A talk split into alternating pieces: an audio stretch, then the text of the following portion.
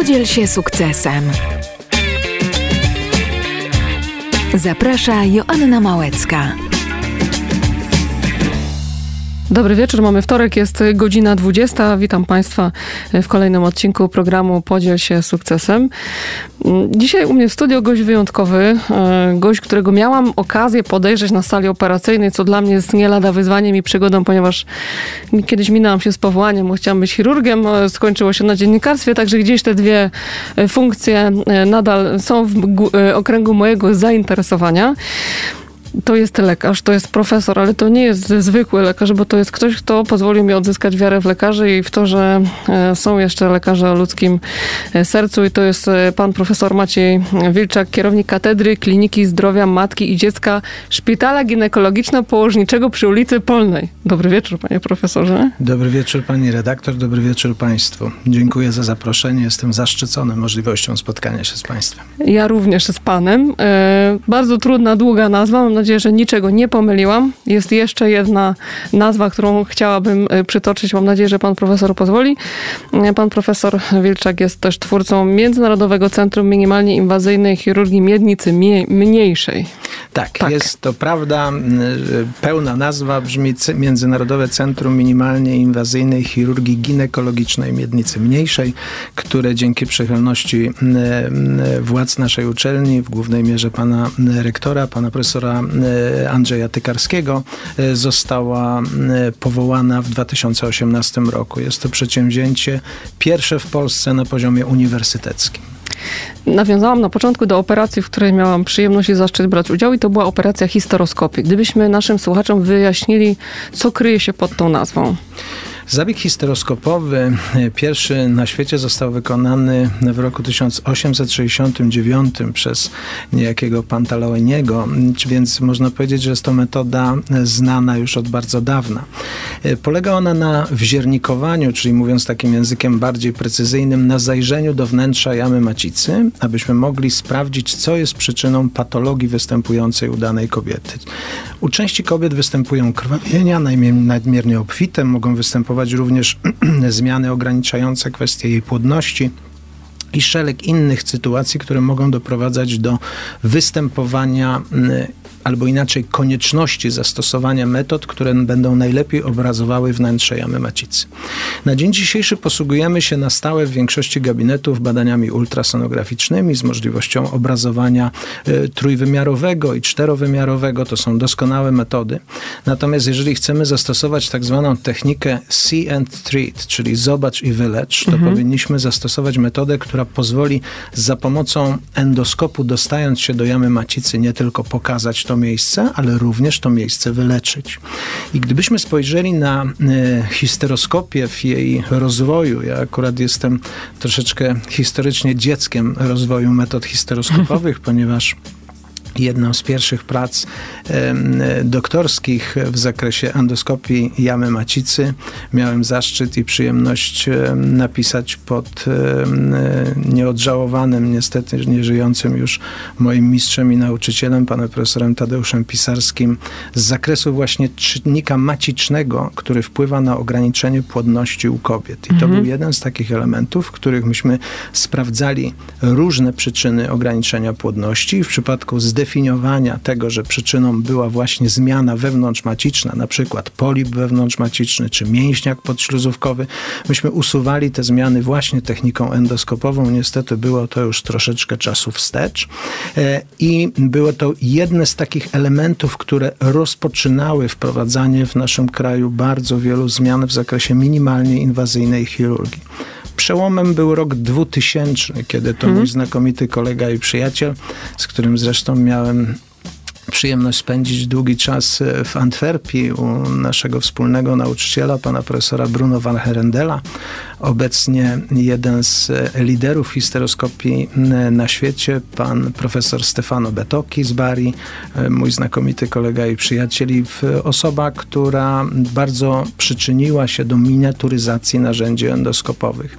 Jednoczasowo w, w tym zakresie działał również pan profesor Gubini z Uniwersytetu w Padwie, Krakowie z Abanoterme Klinik i to jest właśnie to miejsce, z którego udało mi się zaimplementować tą właśnie histeroskopię według sposobu i modelu działania pana profesora Gubiniego właśnie na teren naszego szpitala, według mojej oceny najlepszego szpitala w Polsce, czyli ginekologiczno-położniczego szpitala klinicznego naszego uniwersytetu. Czym ta metoda różni się od tradycyjnej operacji? Ta metoda różni się tym, że do wnętrza jamy macicy możemy dostać się poprzez wprowadzenie tego endoskopu. Średnica tych endoskopów jest bardzo e, różna w zależności od potrzeb, ale powiedzmy, że waha się ona od 2, 4, 5 mm do standardu takiego powyżej 6 mm, a w niektórych endoskopach również średnicy większej. Zajrzenie do wnętrza jamy macicy pozwala nam nie tylko pokazać tą strukturę, ale też ją usunąć. Większość takich zabiegów wykonywana jest niestety w znieczuleniu ogólnym. Czyli pacjentka w trakcie takiego zabiegu musi zostać znieczulona, mówiąc tak językiem niemedycznym, uśpiona. uśpiona tak. e, nie lubię tego określenia, ale wiem, że ono jest e, społecznie bardzo popularne, a ja bardzo wsłuchuję się w to, co mówią przede wszystkim pacjenci, ponieważ można działać w medycynie skutecznie wtedy, kiedy słucha się swoich pacjentów, a nie wtedy, kiedy ma się jedyną, niepodzielną rację. Prawda. W związku z tym, y, idąc tym tokiem myślenia, y, zaproponowanie metody, która będzie ograniczała ryzyka związane ze znieczuleniem ogólnym, wydawało mi się bardzo interesujące. I w naszym Centrum Minimalnej Inwazyjnej Chirurgii Miednicy Mniejszej wprowadziliśmy taką metodę y, będącą właśnie histeroskopią w znieczuleniu miejscowym, czyli histeroskopią dzięki użyciu specjalnego narzędzia, które nazywa się systemem Histeroblock. Y, dokonaliśmy pewnego przeskoku mentalnego w e, podejściu do pacjentek, czyli zamiast proponować im zabieg w znieczuleniu ogólnym, który ma swoje ograniczenia i który ma oczywiście swoje zagrożenia i każdy z anestezjologów, a moją drugą specjalnością w zakresie mojego wykształcenia jest specjalizacja z anestezjologii, więc miałem świadomość tych zagrożeń. E, związaną z moją działalnością w tej przestrzeni przez pewien czas mojej kariery zawodowej. I przełożenie tego na najbardziej bezpieczną i myślę, że tutaj wszyscy moi koledzy anestezjolodzy, którzy, którzy akurat słuchają tego programu, zgodzą się ze mną, że ta metoda jest metodą, która ogranicza do minimum ryzyka związane z wykonywaniem zabiegów jakichkolwiek. Jeżeli mhm. anestezjolog ma do wyboru wykonanie zabiegów w znieczuleniu regionalnym, jak my to nazywamy, albo w znieczuleniu miejscowym, mówiąc e, bardziej popularnym językiem, to zawsze będziemy wybierali tą metodę zamiast znieczulenia ogólnego, bo ono po prostu wiąże się z większymi zagrożeniami.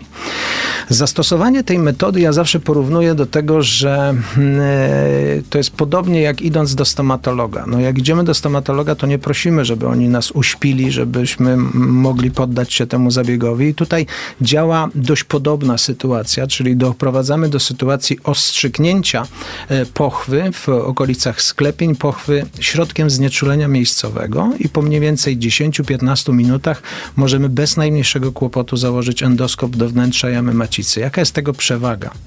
Przewaga jest taka, że przez cały czas jesteśmy w kontakcie z pacjentem. Mhm. Pacjentka na ekranie ekranie własnego monitora, Widzi, który co się stoi, tak, dzieje. co się z nią dzieje, może obserwować każdy z etapów wykonania tego zabiegu. Wydaje mi się, że to jest niezwykle wartościowe, ponieważ e, każdy z pacjentów jest niezwykle nastawiony na duży uraz związany z kontaktem tak. ze służbą zdrowia w ogóle, tak? Najgorszymi pacjentami są oczywiście lekarze, mhm. tak? I ludzie służby zdrowia, więc proszę mi uwierzyć, że wiem o czym mówię.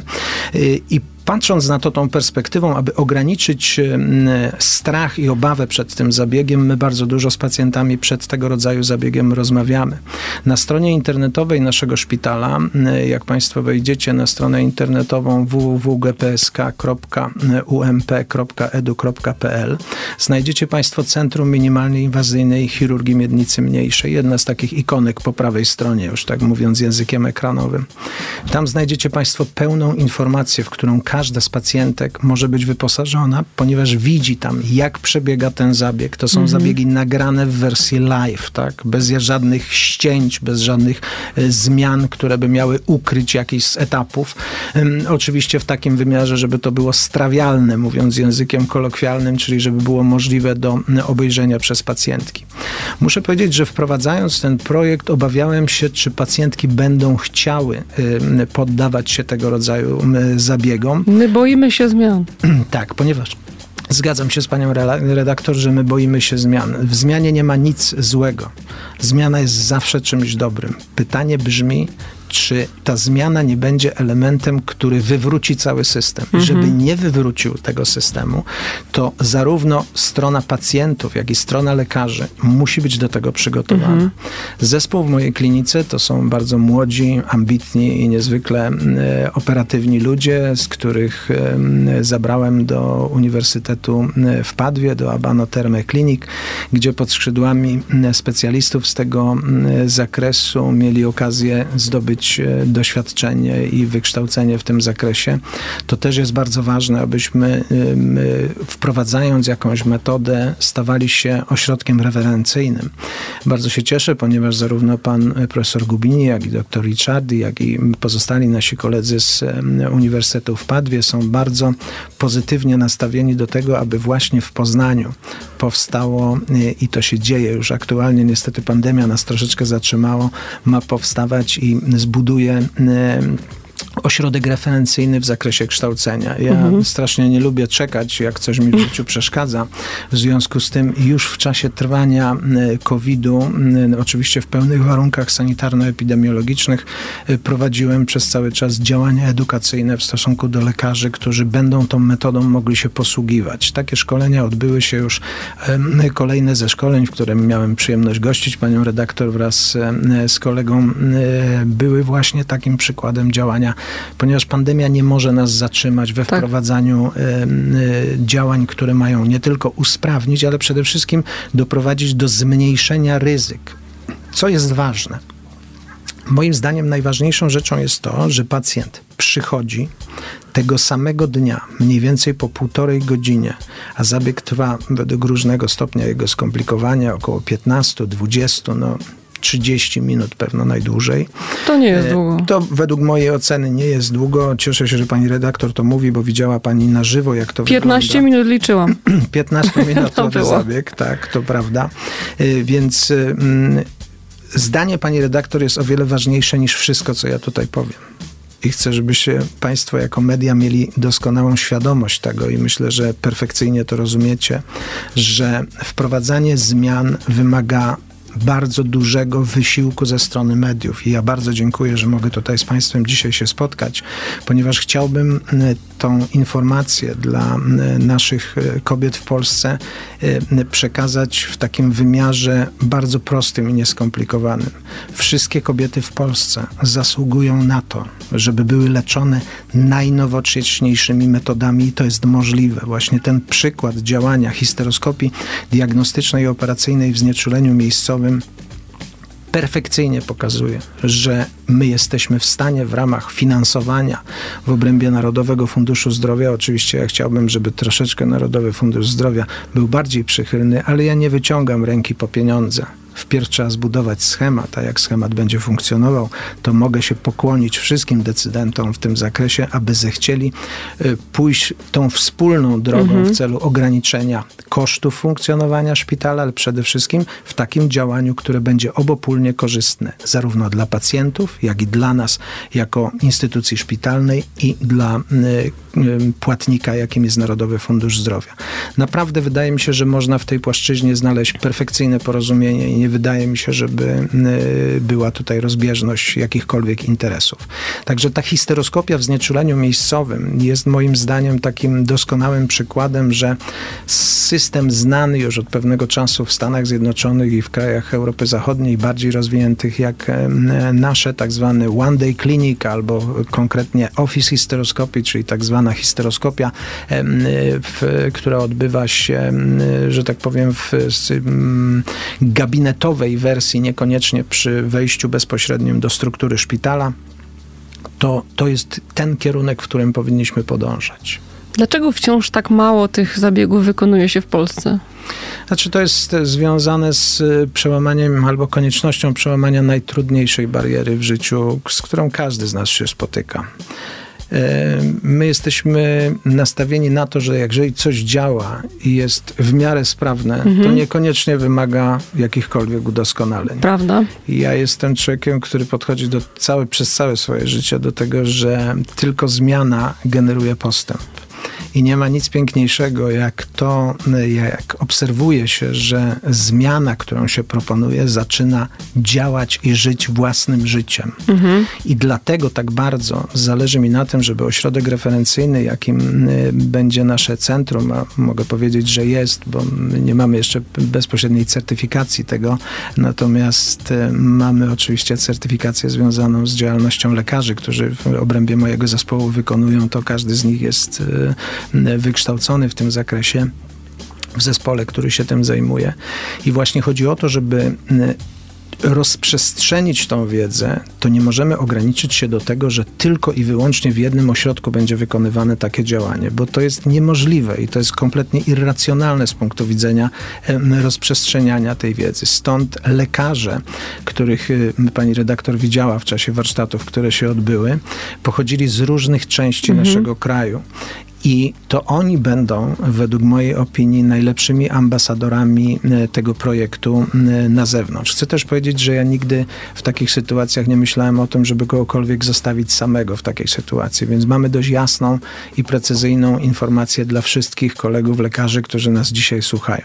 Jeżeli Państwo zechcecie e, zainteresować się tą metodą, to zapraszam do nas na pierwszy z kursów, który będzie wykonany bezpośrednio w naszym centrum. Następnie i jeżeli Państwo z, będziecie zainteresowani zaimplementowaniem tej metody, to ja jestem do dyspozycji i ja do Państwa przyjadę E, i na miejscu wspólnie z Państwem będę te pacjentki e, operował, a właściwie pomagał Wam w mhm. tym, jak należy to zrobić najbezpieczniej, zarówno dla pacjentki, jak i dla Was.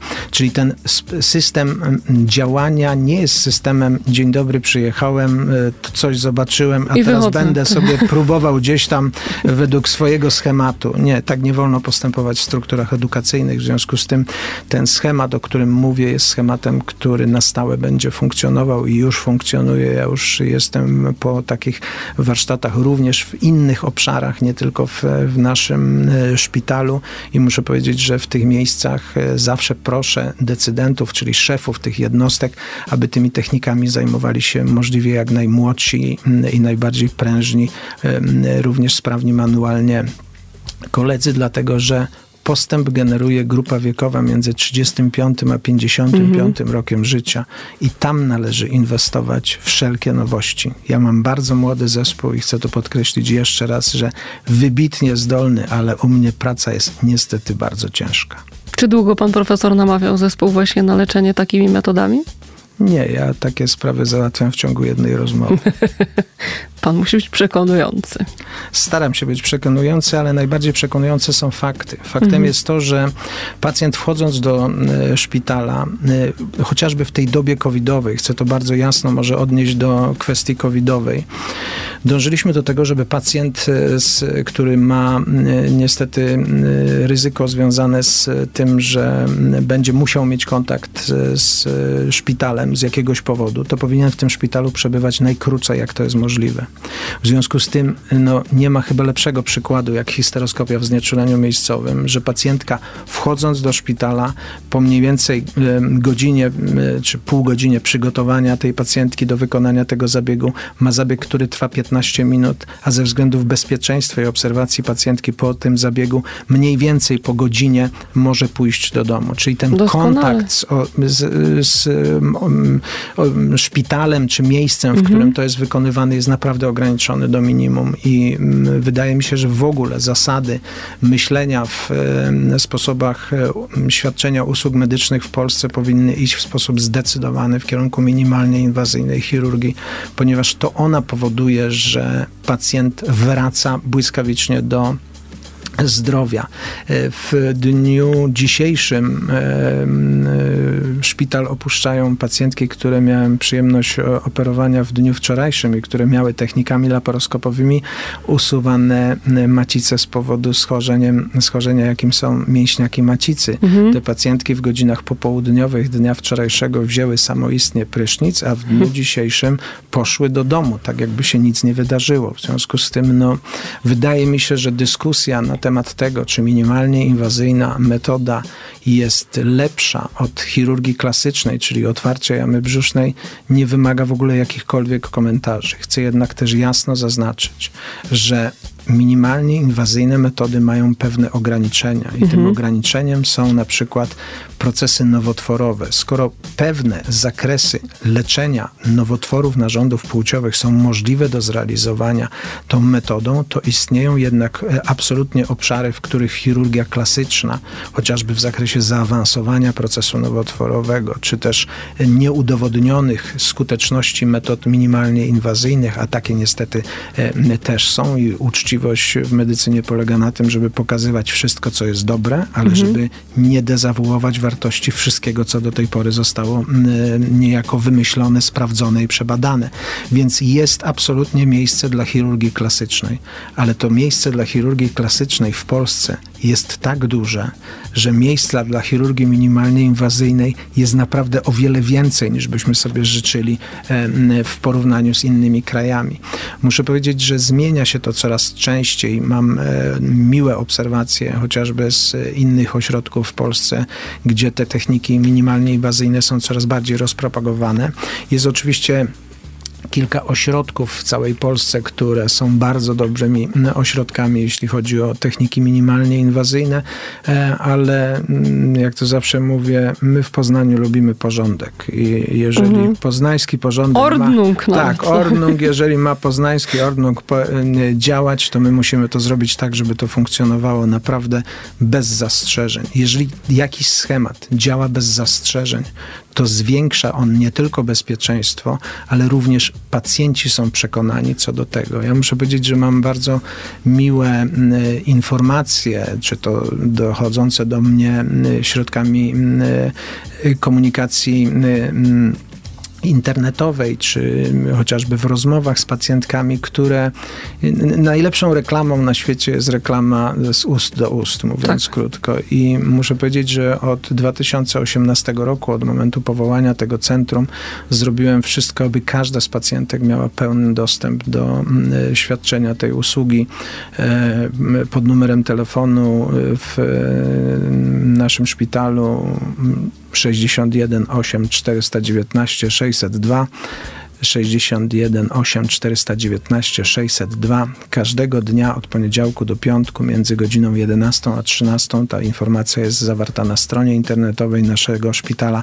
Wszystkie panie, które mają jakikolwiek problem, mogą w każdej chwili zadzwonić, a my będziemy na panie oczekiwać. Zaproponujemy minimalnie inwazyjną i najbezpieczniejszą dla was metodę leczenia. Czy pacjentkę kieruje lekarz prowadzący? Nie, lekarz nie ma, nie, nie ma, takiej znaczy, potrzeby? Może, oczywiście to będzie, będzie jest nam zawsze bardzo miło, jeżeli koledzy i tak się dzieje i to mhm. jest dość duża grupa kolegów, którzy z nami współpracują. Ja też stosuję bardzo taką um, restrykcyjną zasadę mówiącą o tym, że jeżeli pacjent zostaje do nas skierowany przez jakiegoś lekarza, to my jesteśmy e, z, poza naszego szpitala, to my, czy nawet z naszego szpitala, to naszym absolutnym obowiązkiem jest wykonanie wykonanie wszystkiego według standardów najwyższej jakości i ten pacjent ma wrócić do swojego lekarza. To jest niezwykle istotne, mhm. o czym mówię. Ten model powiem może tak dość przekolnie, nie jest zbyt popularny w naszym kraju. Ale, a ja bardzo pilnuję tego, żeby lekarze, którzy kierują do nas pacjentki, albo pacjentki, które kierują, które przychodzą do nas z racji rozpropagowania między innymi tej informacji przez media, żeby były nie tylko zaopiekowane, ale żeby miały możliwość skorzystania z ciągłej naszej opieki. W swego rodzaju mm, podejściu holistycznym do pacjenta musimy uwzględniać również wszystkie aspekty tego, żeby pacjent czuł się bezpieczny. Czyli nie możemy podchodzić do tego w ten sposób, taka jest moja filozofia, że wykonujemy jakiś zabieg, potem pacjentka, że tak powiem, zostaje pozostawiona sama sobie. Tak. To jest niemożliwe. My, możemy, my musimy pokazać pacjentowi ścieżkę, w jaki sposób dalej postępować. Każda z tych pacjentek oczywiście może być pod opieką yy, i powinna być pod opieką w głównej mierze swojego lekarza, który skierował ją do nas na, takie działania diagnostyczne, ale jeżeli ma jakiekolwiek wątpliwości, czy chciałaby się jeszcze dodatkowo skonsultować, to poradnia przy naszym e, szpitalu i przy e, klinice, którą mam zaszczyt i przyjemność prowadzić, e, zapewnia ciągłość opieki również w ramach usług świadczonych w obrębie finansowania przez Narodową, Narodowy Fundusz Zdrowia. I to jest moim zdaniem istotne, bo mhm. pacjent czuje się zaopiekowany wtedy, kiedy wie, co się będzie z nim robiło. To prawda. To tak jak byliśmy z panem profesorem na operacji i pan cały czas mówił do pani Danusi naszej bohaterki. I pani tak. Danusia chyba, mam wrażenie, w pewnym momencie zapomniała, że w ogóle jest operowana. No właśnie, to jest, moim zdaniem to jest bardzo ważna rzecz w komunikowaniu się w ogóle. Między światem medycznym a światem pacjentów istnieje i zawsze istniała pewna granica, którą należy przesunąć. Ja to całe życie czynię. Mm, tego nauczyłem się od e, moich rodziców, którzy również są lekarzami. Znaczy, niestety mój tato już nie żyje, ale mm, w, czego nauczyłem się z domu, obserwując ich e, mhm. pracę, e, że nic tak nie łączy pacjenta i lekarza jak siadanie po drugiej stronie stołu. Ja zawsze w rozmowach ze studentami mówię o tym, że jak będą rozmawiali w przyszłości ze swoimi pacjentami, to mentalnie muszą siedzieć na miejscu pacjenta. I jak będą w tej rozmowie siedzieli mentalnie na miejscu pacjenta, to ten pacjent będzie ich przyjacielem po pięciu minutach mhm. rozmowy.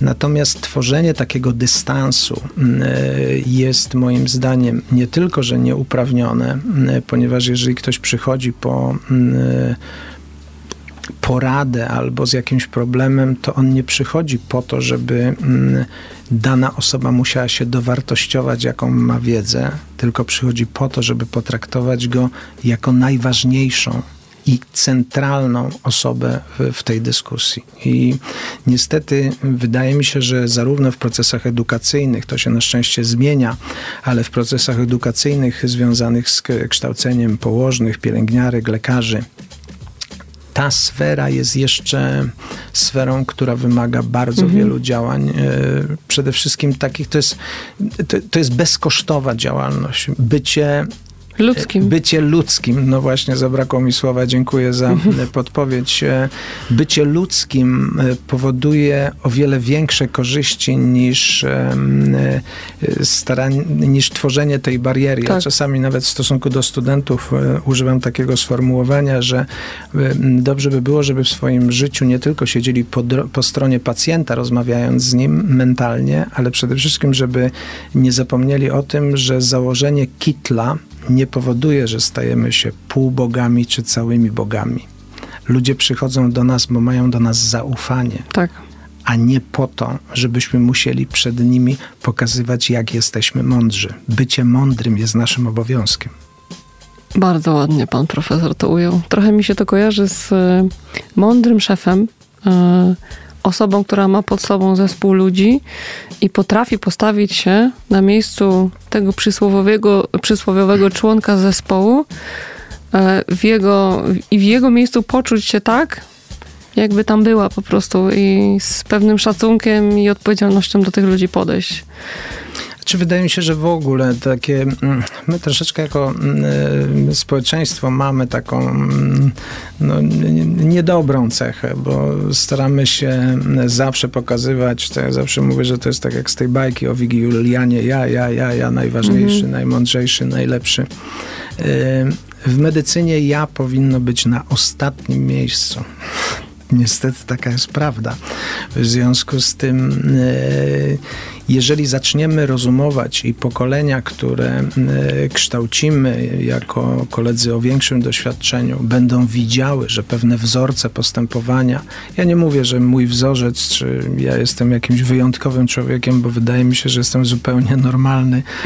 I to jest kwestia tylko i wyłącznie zasługi moich rodziców, że nauczyli mnie szacunku do ludzi. Mhm. i to jest rzecz, która moim zdaniem bardzo pomaga w medycynie, jak w żadnej innej dziedzinie. To Więc prawda. To jest, to jest chyba naturalny mechanizm działania, jeżeli chodzi o osoby, które w moim otoczeniu funkcjonują, to one doskonale wiedzą o tym, że ja jestem osobą bardzo dużo wymagającą od siebie.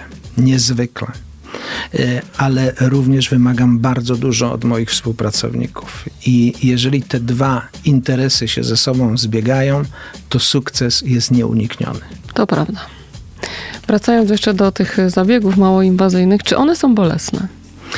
E, znaczy ja powiem w ten sposób. My stosujemy taką skalę. E, akurat jeden z moich e, asystentów, pan doktor Adrian Nowak, będzie pisał pracę doktorską z, z zakresu właśnie tej minimalnie inwazyjnej histeroskopii w znieczuleniu miejscowym i w tej on prowadzi badania, w których ocenia skalę dolegliwości bólowych, mhm. tak zwaną skalę, którą my punktujemy od 0 do 10 i pacjent mówi nam, jakie jest natężenie dolegliwości bólowych.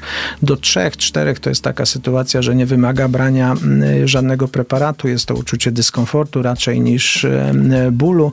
Między 4 a 8 wymaga od razu wzięcia mm, jakiegoś leku, a między 8 a 10 no to to jest stan, który jest bardzo już niepokojący i wymaga natychmiastowego zastosowania środków zapobiegających tych, tym dolegliwościom. Mhm.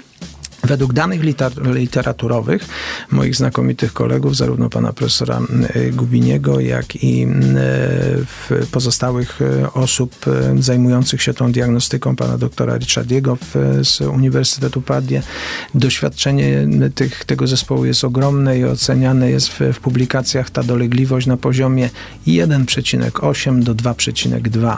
Nasze obserwacje z naszych badań są bardzo zbieżne z tym, zresztą sama pani redaktor miała zaszczyt um, obserwować reakcje tych tak. pacjentów. Mówię dlatego zaszczyt, nie dlatego, że to jest coś Ale to był dla mnie zaszczyt, panie profesorze, naprawdę. Nie, ja w tym, w tym, w tym y, przewrotnym sformułowaniu chciałem pokazać tylko jedną rzecz, że my nie pokazujemy dwóch światów, czyli nie pokazujemy świata wirtualnego na to, żebyśmy dobrze wypadli i, e, w, mm, i to sprzedajemy jako produkt zewnętrzny, tylko rzeczywiście tak jest. Tu nie ma miejsca na półprawdy. Jest wokół nas tyle półprawd, mhm. że może w medycynie niech one nie, nie obowiązują. I, I, wydaje mi się, że to jest e, bardzo istotne i większość pacjentek zresztą o tym mówi, nawet w tych słynnych nagraniach, o których mówiłem na stronie internetowej naszego szpitala. Zachęcam do obejrzenia tego materiału. Tam w dwóch krótkich filmach e, jest to bardzo precyzyjnie przedstawione i to są reakcje pacjentek i ich oceny. My skorzystamy tam ze źródeł źródeł energii elektrycznej, którymi usuwamy zmiany z jamy macicy, czyli na przykład przy, przy pomocy elektrody bipolarnej, to, mm, takiego rodzaju urządzenia, wycinamy mięśniaka podśluzówkowego, albo usuwamy polipa, albo usuwamy zrosty wewnątrzmaciczne w przypadku pacjentek, które mają ograniczenia albo niemożność donoszenia ciąży, czy mm, niemożność zajścia w ciąży. Mhm. Y, to są y, obszary, w których y, posługujemy się we wnętrzu jamy macicy prądem. Sama pani redaktor widziała, że pacjentka, jak wycinałem określony fragment tej tkanki, y, ona to widzi przecież na ekranie monitora, tak. co się dzieje.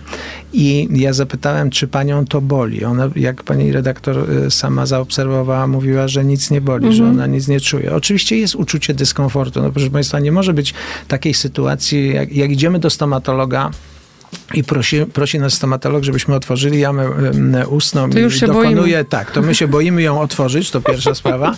Druga kwestia to jest to, że nawet otwierając tą jamę ustną, mamy do czynienia z e, strachem przed tym, jak to bardzo będzie bolało. Okazuje się, że ta igiełka jest bardzo cieniutka i tak naprawdę strach jest większy niż rzeczywiście powinien, niż ten, który powinien nam mhm. rzeczywiście towarzyszyć.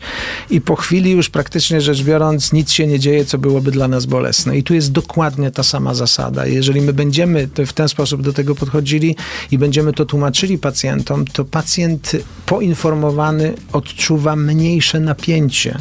I tak naprawdę, jak pani redaktor zauważyła, mm, moja, mój sposób komunikowania się z pacjentem jest taki, żeby do minimum ograniczyć dystans między mhm. nami. Im dystans jest mniejszy, tym bardziej komfortowe jest poddanie się temu zabiegowi. Jeżeli będziemy tworzyli dystans, jeżeli nie będziemy informowali pacjentki, jak pani redaktor pamięta, ja mówiłem o tym, że pani Danusiu, teraz będę zakładał tak. wziernik, będzie pani czuła rozpieranie, e, będzie pani miała delikatne uczucie ucisku, po prostu pacjent musi wiedzieć, na jaki rodzaj dolegliwości e, albo jakiego rodzaju dolegliwości może się e, spodziewać. I jeżeli będziemy postępowali w ten sposób, to to powoduje nie tylko uspokojenie, ale przede wszystkim takie w głowie powstaje, ha, miało boleć więcej, nie? A nie boli wcale. Albo, no, no czuję coś tam, że coś tam się dzieje, no ale czy nie to było jest tak bolesne? Źle. Nie, no, no to nie bolało, tak? Albo czy przez cały czas, jak pani redaktor zauważyła, jest każdą z tych pacjentek pytałem o każdy z etapów. Jeżeli cokolwiek się działo, co mogłoby budzić jej niepokój, e, to ja nie chciałem, żeby ona się domyślała, co będzie. Mhm. I w tej metodzie to jest bardzo istotne, tylko ona, ta pacjentka musi być przygotowana na to, co się wydarzy. I wtedy no, nie ma tego stresu, nie ma tego napięcia i wszystko idzie jak po maśle, mówiąc krótko. I to buduje zaufanie z lekarzem. Znaczy, wydaje mi się, że zaufanie buduje w głównej mierze to, jak traktujemy naszych pacjentów, bo jeżeli pacjent czuje się zaopiekowany, czuje się potraktowany jako najważniejszy element działania w tym pomieszczeniu, w którym akurat udzielamy mu tego świadczenia medycznego, jak to się ładnie mówi naszym mhm. językiem medycznym, mhm. to to jest najważniejsza rzecz. Każdy chce z nas, idąc jako pacjent do lekarza, czuć się wyjątkowo, że, że ten lekarz, ta pielęgniarka, ta położna są tylko i wyłącznie dla nas. I to jest zupełnie naturalny mechanizm. I ci, którzy nie stosują zasady dostosowania się do tego oczekiwania, ponoszą medycznie klęskę. Mhm.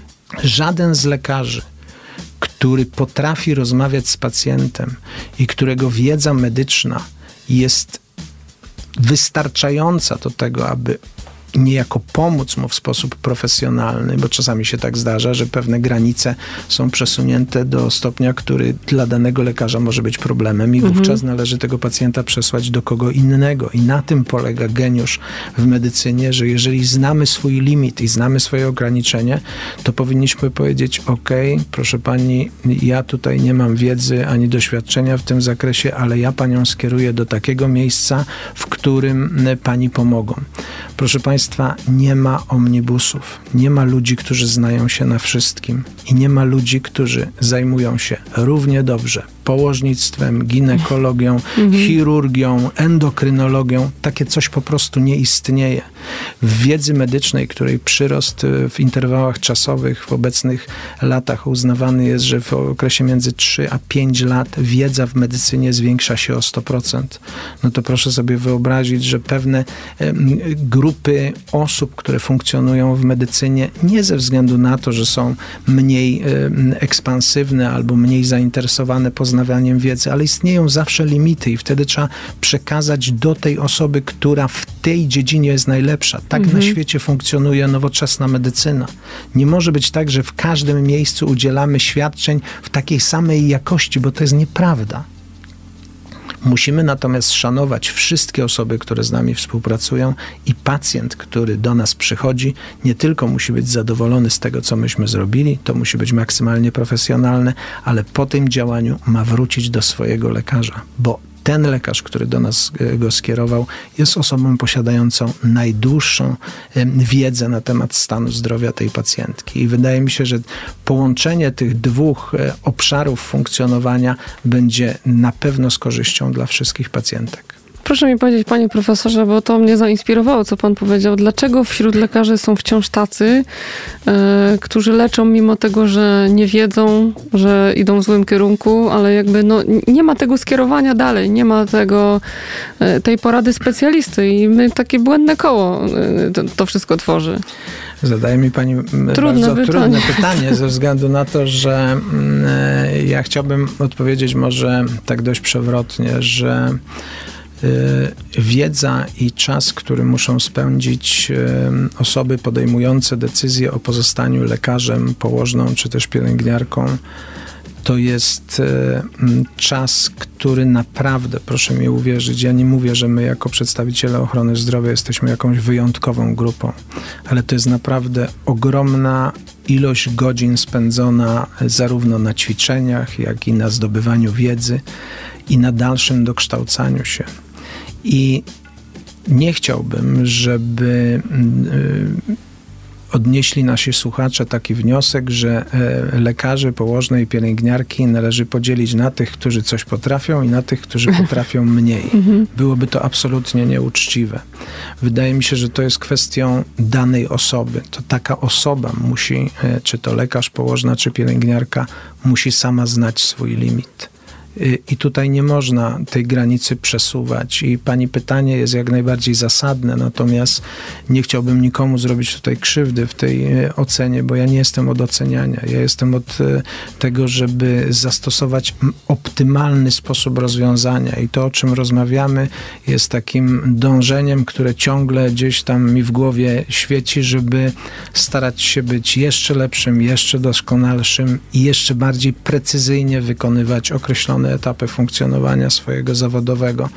E, no bo mm, ja, tak jak to często powtarzam, ja y, kochając swój zawód nigdy nie jestem w pracy.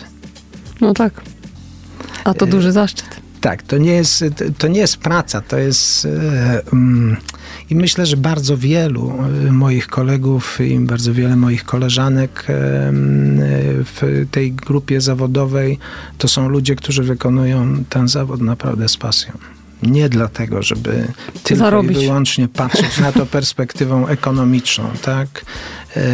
Trudno powiedzieć, że chociażby COVID dał temu bardzo jasny przykład. Trudno powiedzieć, że położne, lekarze, pielęgniarki, ratownicy medyczni, analitycy medyczni, że to są ludzie, którzy ratowali zdrowie i życie e, w początkach pandemii, tylko patrząc z perspektywą finansową. To jest nieprawda, jest mhm. to krzywdzące dla całego środowiska i wydaje mi się, że tak nie wolno po prostu postępować.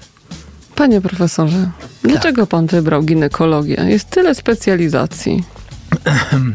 Mój tata świętej pamięci był położnikiem i ginekologiem pracującym w szpitalu e, imienia e, Raszei w Poznaniu. Tak. Moja mama e, jest już emerytowaną, emerytowanym od wielu lat pediatrą, zajmowała się dziećmi. Ja wybrałem ten zawód, ponieważ Opowiem taką śmieszną historyjkę. Na jednym ze spotkań moi rodzice, jako młodego e, chłopca, tam nie wiem, czy to było w jakimś ogródku, bo już tego dokładnie nie pamiętam, tak jak moja mama opowiadała. E, no i tam byli znajomi, tam była jakaś, nie wiem, grill czy coś tam, obojętnie wtedy pewno jeszcze grilla nie było, bo to nie było takiej zasady. W każdym razie jakieś spotkanie. Mhm. I na tym spotkaniu oczywiście rodzice, jak to zwykle, tam podpuszczają dzieci, a co ty byś chciał robić? Robić, a co ty byś chciał robić, no to ja zapytałam, zapytał mnie nieżyjący już również e, jeden z moich e, e, wujków o rzecz następującą. A Maciuś, a kim ty byś chciał zostać? A ja powiedziałem ponad, że ja nie mam wyjścia, muszę zostać ginekologiem, dlatego że by się zmarnowało to wszystko, co tata robi, tak? Więc to, mówiąc krótko, poszedłem po poznańsku, nie chcąc doprowadzić do tego, żeby ja jakiś obszar.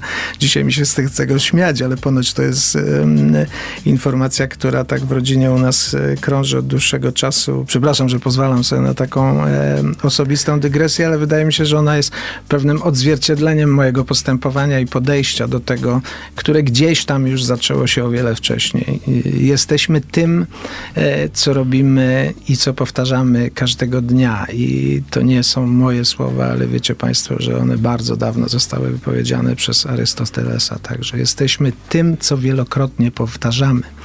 E, doskonałość nie jest pojedynczym aktem, ale nawykiem. I dużo wynosi się z domu. Tak, tak, jestem przekonany, że tak, że to znaczy ja nie mam. Yy, żadnych takich wątpliwości co do tego, że mm, takie no, znaczna część, nie chcę tego ujmować jakoś tam bardzo zdecydowanie, wydaje mi się, że 80-90% e, naszego sposobu odnajdowania się w rzeczywistości uzależnione od tego, jak e, byliśmy wychowywani, jakie wzorce obserwowaliśmy wokół siebie. No, jesteśmy po prostu naśladowcami tych, którzy nas wychowywali. Taka jest prawda. Prawda. A dlaczego Polno? Pytam nieprzypadkowo, dlatego że swego czasu, to było parę lat temu, um, mój rocznik rodził, to już były te czasy mhm. E, i moje koleżanki mówiły mi, ale nie tylko one, bo też ich koleżanki i tak dalej, że Polna stała się taką trochę fabryką rodzenia, że tam te pacjentki przestały być traktowane jako pacjentki, tylko po prostu jako kolejna, która przychodzi i rodzi, wychodzi. I zaczęły szukać alternatywy. I mam wrażenie, że to trochę odpłynęło e, od polnej. Dzisiaj znowu jest nawrót na polną. E, z czego to wynika? Dlaczego tak jest? E, ja powiem w ten sposób.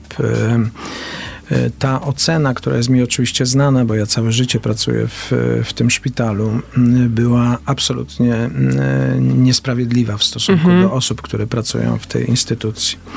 Oczywiście każdy z nas e, pracujących e, w służbie zdrowia chciałby, żeby nasza sytuacja była optymalna i najlepsza. Chcę jednak zwrócić uwagę na to, że pacjentka, która trafia do szpitala o najwyższym stopniu referencyjności, to to jest bardzo ciężka patologia albo sytuacja, która wiąże się z wieloma zakończonymi niekoniecznie sukcesem sytuacjami. Na niższych stopniach referencyjności tej opieki położniczej, bo o to pani redaktor mnie pyta, podział jest taki, że do nas trafia największa patologia. Mhm. My mamy najdoskonalszy zespół profesjonalistów My mamy e, strukturę uniwersytecką. E, dzięki zaangażowaniu władz uczelni mamy możliwość w obrębie klinik funkcjonujących zarówno w zakresie położnictwa i ginekologii, jak i neonatologii świadczenia usług naprawdę na światowym poziomie. I to nie są słowa, które rzucam w próżnię. I to nie są frazesy. To są osoby, które tworzyły położnictwo i ginekologię od historii, jak ja zacząłem tam pracować jako młody asystent. Mhm. I takie oceny, które mm, niestety musimy je zawsze brać pod uwagę, są wystawiane, są najczęściej ocenami, które w wielu sytuacjach łączyły się niestety z rozczarowaniem. Nie, niestety w medycynie jest tak, że pewna grupa z punktu widzenia statystycznego powikłań, czy też kwestii związanych z e, czasami tragicznymi sytuacjami, zgonami e, dzieci wewnątrz łonowo, czy też e, kwestią wad, uszkodzeń tych dzieci, niemożności udzielenia im pomocy e, dającej szansę na przeżycie, to to są te rzeczy, które mm, no, są elementem naszej codziennej mhm. pracy. Natomiast perspektywa spojrzenia na to powinna być perspektywą dotyczącą tego, jak zadowolona jest ta pacjentka. Y, robimy wszystko u nas w szpitalu, y, aby y, zmienić ten obraz i cieszę się, że pani redaktor podkreśla to, że teraz zaczęło się to zmieniać, bo my to absolutnie obserwujemy. Ja jestem zwolennikiem tego, żeby wszystkie osoby, które pracują w tej części położniczej, a naprawdę mamy perfekcyjne położne i chciałem tutaj z tego miejsca podziękować wszystkim osobom, które w swoim życiu spotkałem zarówno ze strony położnych, pielęgniarek, jak i lekarzy, ponieważ uczymy się od siebie nawzajem, ale powinniśmy wsłuchiwać się w to, co mówią pacjenci. Jeżeli pacjenci są z nas niezadowoleni, to my musimy robić wszystko, żeby wystandaryzować tą ocenę czasami e, podejmujemy, no każdy z nas jest człowiekiem, tak? Wstajemy, jak to się mówi, czasami lewą nogą. I ja bym chciał wiedzieć, ile takich wstań lewą nogą było powodem takiej e, oceny niezbyt, e, e, no może nie chcę powiedzieć uczciwej, ale niezbyt zasłużonej na taką krytykę, a ile wynikało z rzeczywistej sytuacji błędów czy e, działań, które mogły być przyczyną takiej złej oceny. Y, Chcę zwrócić jednak uwagę, że my jako przedstawiciele mm, ochrony zdrowia, y, zarówno lekarze, położne, my jesteśmy też tylko ludźmi. My przychodzimy do pracy i powinniśmy zostawić e, nasze problemy domowe, życiowe, miłości, tragedie za drzwiami szpitala. Ale my jesteśmy nadal tylko ludźmi. W związku z tym nie zawsze się to udaje. I Jeżeli to się nie udaje i przekłada się na relacje z pacjentem, to to jest oczywiście źle i te, takich rzeczy nie powinno być. Natomiast e, ja zachęcam wszystkie e, panie, które zdecydują się na poród u nas, do tego, aby te oceny były ocenami, e, na które ja jestem bardzo otwarty i będę bardzo pilnie wszystkie te etapy śledził i to zresztą dzieje się na co dzień. Każda z pacjentek ma możliwość oceny e, u nas w szpitalu jakości e, obsługi medycznej, jak również kwestii możliwości skorzystania z oceny e, przez psych- psychologów, czy też pomocy psychologicznej. No, naprawdę robimy ze swojej strony wszystko, żeby ta jakość była jak najlepsza. I nie spodziewam się, żebyśmy byli jacyś wyjątkowi, bo to jest nie tylko nasza powinność, ale to jest obowiązek wobec pacjentów.